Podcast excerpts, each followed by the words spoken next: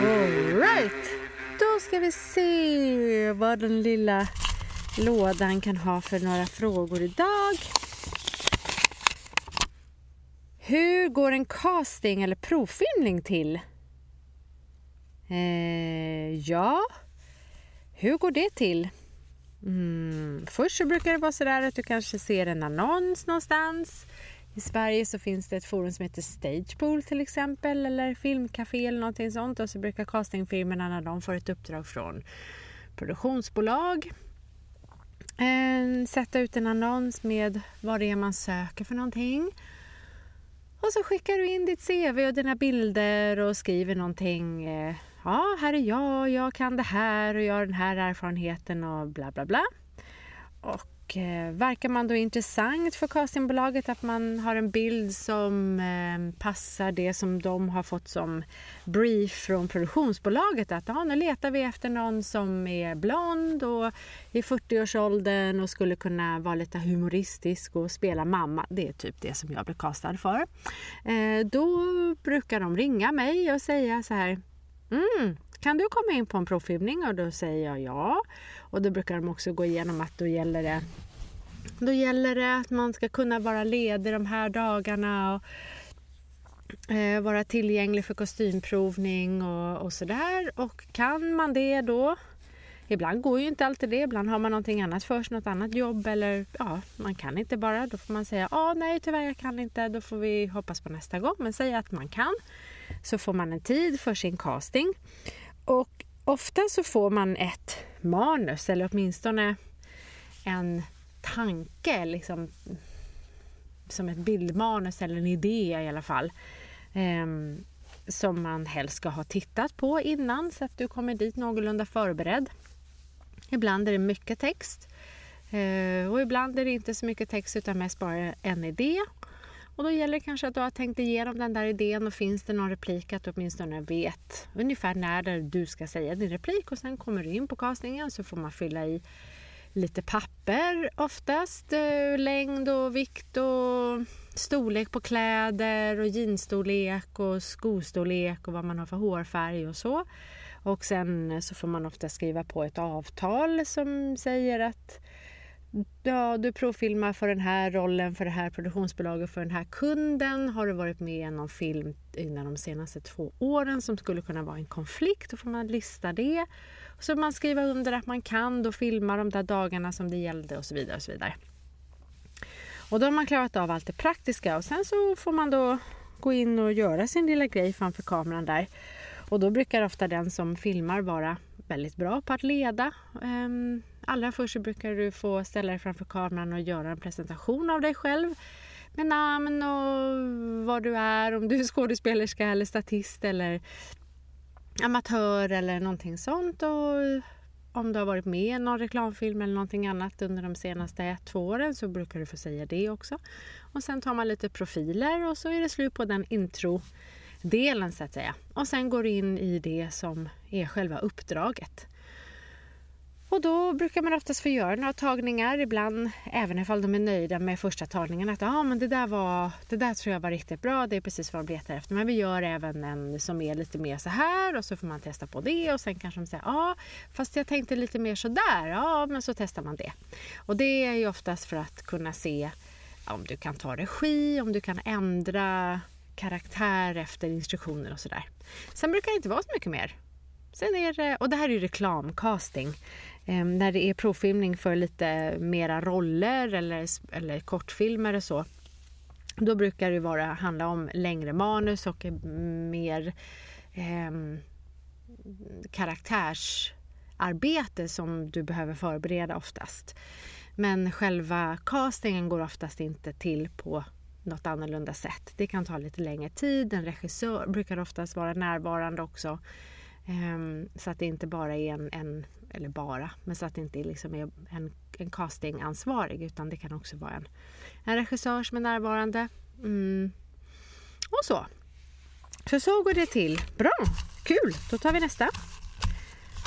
Läs nästa lapp. Här ska vi se i lådan vad det står här. Berätta om filmen Mäklaren.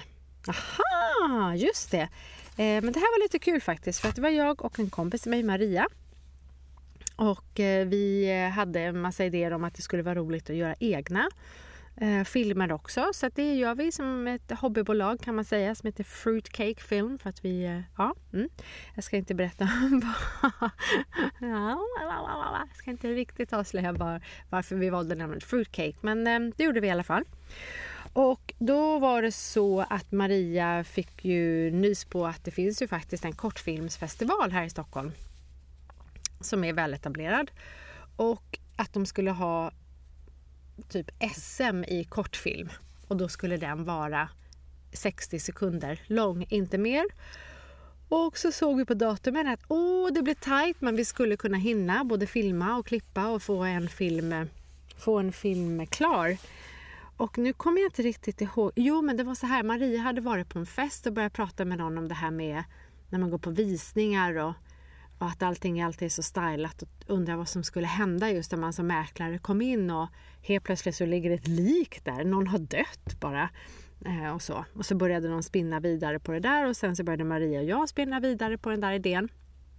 Och kom på att det där skulle ju faktiskt kunna funka som en kortfilm. Eh, lite sådär Charlie Chaplin eh, stumfilmsanda. Att du bara ser en mäklare komma gående och ska sälja den här lägenheten och in i lägenheten kommer och så verkar någonting väldigt konstigt och så kliver man in i ett rum och där ligger den som ska sälja lägenheten död på golvet. Och eh, tiden tickar på och det är strax visning och istället för att ställa in så gömmer mäklaren liket i garderoben. Ho, ho, ho. Så det var idé bakom filmen Mäklaren och det var snabba ryck som sagt. Så att Marias man som är regissör eh, kom in och filmade. Eh, och vi agerade liksom regissörer själva, Maria också. Och så drog vi in alla som vi kände som kunde vara med som, som ehm, spekulanter på den här lägenheten. Marias pappa ställde upp och spelade eh, lik och död kropp ehm, i lägenheten. Och sen så klippte vi det där och höll på och då bodde jag inne i stan och då råkade jag bo i samma hus som eh, en musiker som heter Erik Amarillo som artistnamn. Och eh, jag vet om att han är väldigt duktig musiker och kan väldigt mycket olika instrument och är klassisk skola från början och att han tycker om tanken på att skriva musik för film. Och då sa jag, jag vet att du har fruktansvärt mycket att göra men jag har precis klippt klart en film. Vill du titta på den och se ifall du får några idéer för att göra musiken? Visst, sa han då. Och två dagar senare så hade vi musiken till den här filmen. Och musiken gör filmen tycker jag. Jag tycker den är fantastisk. Så det är filmen Mäklaren. Och vi visade den på den här kortfilmsfestivalen och vi gick inte till final. Vi vann inte. Jag är fortfarande väldigt förvånad över det för att jag tycker den var skitbra själv. Ja, det var det. Right. Sjung en sång utan att byta ton. Det förstår jag inte riktigt. Menar man då att jag ska sjunga så en entonig Oj, vad svårt. Ja, då får du väl göra Ja må leva. Jag må leva, jag må leva, jag må leva ut i hundrade år. Ja, visst ska han leva, ja, visst ska han leva, ja, visst ska han leva ut i hundrade år. Hurra, hurra, hurra. Ja, ganska tråkigt faktiskt. Men jag tror att det var det. Sjunga sång utan att byta ton. Det var gjort tar vi en till lapp. Eh, vilken är den galnaste festen du har varit på? Bra fråga. Undrar vad man menar med det riktigt. Men den galnaste festen. Då måste jag nog ändå säga att den galnaste festen, och det var inte för att festen i sig var galen utan det var för att allting runt omkring var lite som att kliva in i en, i en film själv. Eh, jag hade jag har, ska man säga, fortfarande en dröm om att bo i New York med ett visum eller ett green card ska jag då tillägga.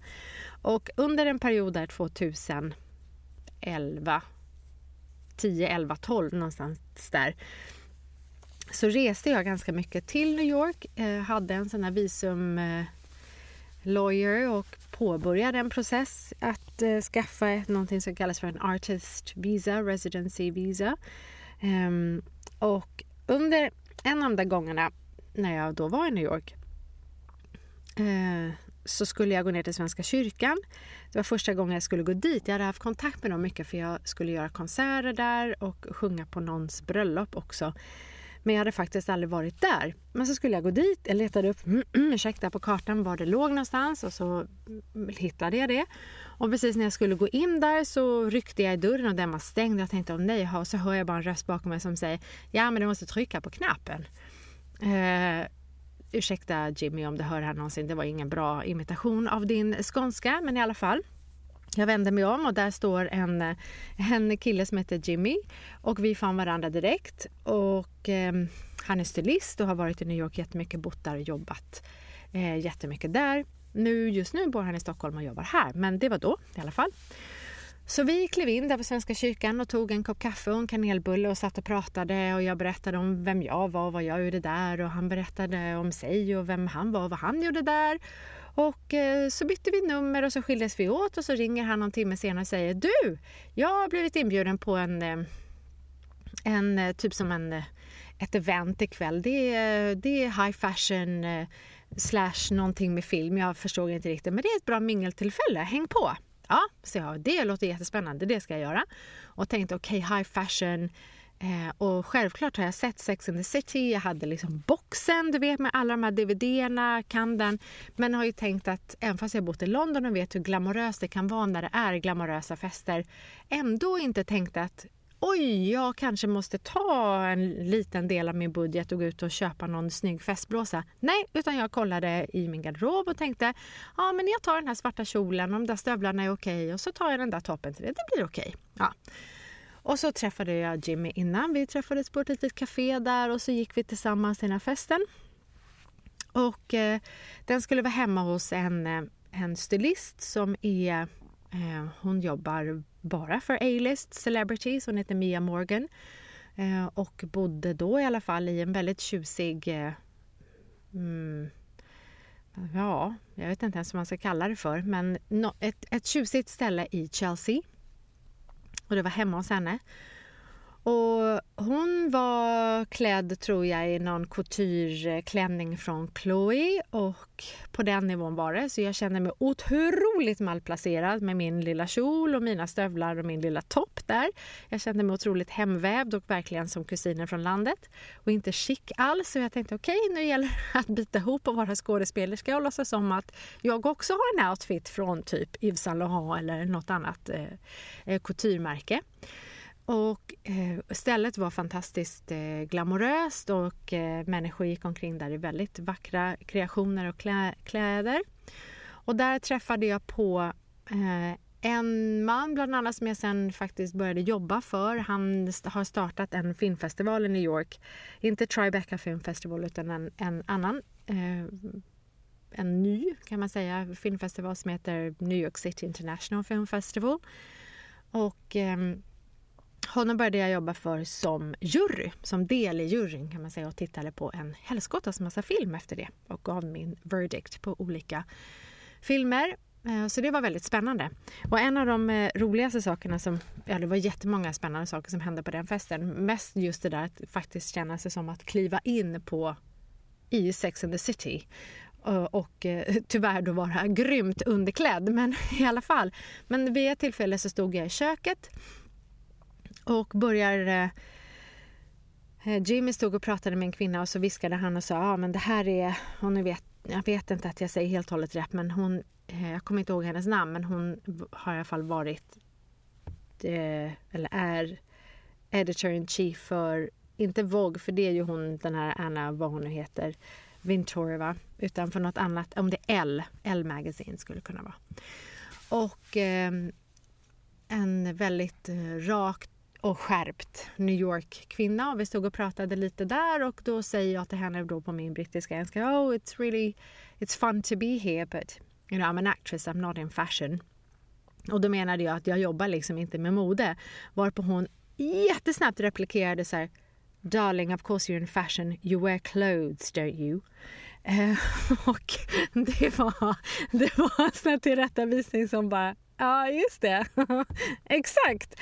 Och eh, då fann jag mig, tack och lov fann jag mig och började skratta för det var liksom det enda som passade och sa Ja, precis så. Helt rätt. Så har jag aldrig tänkt, men eh, I hear you. Definitely, thank you. Och sen så, då var det lite som att jag steg lite i aktning där från att ha varit en amöba på golvet till att åtminstone kanske vara en liten hög av någonting. Ja, men det var väldigt, eh, det var galet på, på, på det viset. Mm. Roligt, memories. Hur är det att sjunga på en klubb i New York? Oh, det är mycket New York-frågor, känner jag. Eh, det är ju förstås egentligen inte alls annorlunda än att sjunga på en klubb i Stockholm eller London eller vilken annan stad som helst där man befinner sig. Förutom det faktum att om man som jag har en sån här Wow, New York! Oh, häftigt! Så är det jävligt häftigt, ursäkta svordomen, att helt plötsligt inse att Ja, jag står här på någon eh, liten klubb i, i eh, Greenwich Village och sjunger ikväll. Eller jag var också uppe på en massa jazzklubbar där det var lite så här improkvällar. Det var, de hade ett husband och så lärde jag känna dels pianisten och även basisten som sa man kom upp och jamma lite med oss ikväll. Och så gjorde jag det och så där, stod där och sjöng. Och, ja, men det, är jätte, det är häftigt. Det är en häftig känsla. Inga pengar, men en häftig känsla. Då ska vi se. Har skådespelare och sångare ett speciellt personlighetsdrag? Aha! Wow! Bra fråga. Nu måste jag tänka lite här. Hmm.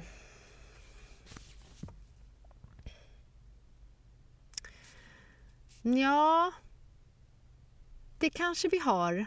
Nu säger jag vi faktiskt, för jag räknar mig ju själv i den där kategorin, även om det kanske är två kategorier, skådespelare och sångare. Men jag tror att för att för att bli enormt framgångsrik, och då pratar jag om par med Madonna eller Lady Gaga eller någonting sånt, så måste man vara väldigt fokuserad. Det gäller ju allting, vare sig man är sportstjärna eller, eller entreprenör eller, eller så. Så måste du vara otroligt fokuserad och driven och det betyder ju också att allt annat kommer i andra rummet på något sätt. Och sen finns det ju väldigt många både skådespelare och sångare som faktiskt försörjer sig på sin konstform utan att bli Madonna eller Lady Gaga. De flesta är ju faktiskt där mittemellan. Eh, de som inte klarar sig alls och måste avbryta och välja en annan karriär som kanske också fortfarande har att göra med skådespeleriet och sång men mer lärare eller man inser att man vill inte längre stå på scen utan vill jobba bakom scen eller, eller så. Men om man tänker utövande skådespelare och sångare Um, så tror jag att man måste kultivera en liten form av, av målmedvetenhet och fokus.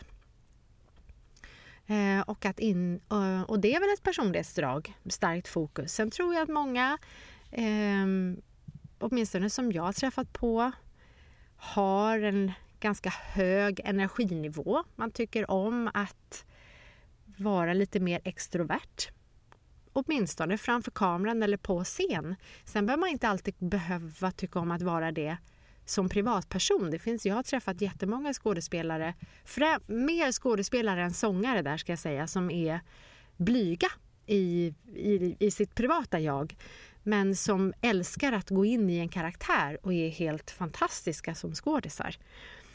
Um, men det kanske också är den där målmedvetenheten och fokuset på något sätt som finns där. Så att, ja, det blir nog det som är det speciella personlighetsdraget. Kanske var ett tråkigt svar, men ja. Härma Birgit Nilsson som hockeykommentator. Oh ja, hon presenterar den ryska superfemman från 80-talet. Det betyder att jag måste komma ihåg den där jäkla ryska, ryska superfemman. Jaha, ja ja, men då i alla fall då kan vi faktiskt börja med att härma Birgit Nilsson. Och det som är, nu har jag inte alls rätt eh, vad ska vi säga, kanske röstläge för henne. Hon kanske var något lägre än jag. Eh, och till saken börjar jag också säga att jag beundrar Birgit Nilsson enormt så att det här är inte något, eh, någon karikatyr på något sätt. Men hon hade en tendens att liksom hela tiden sjunga medan hon faktiskt pratade så.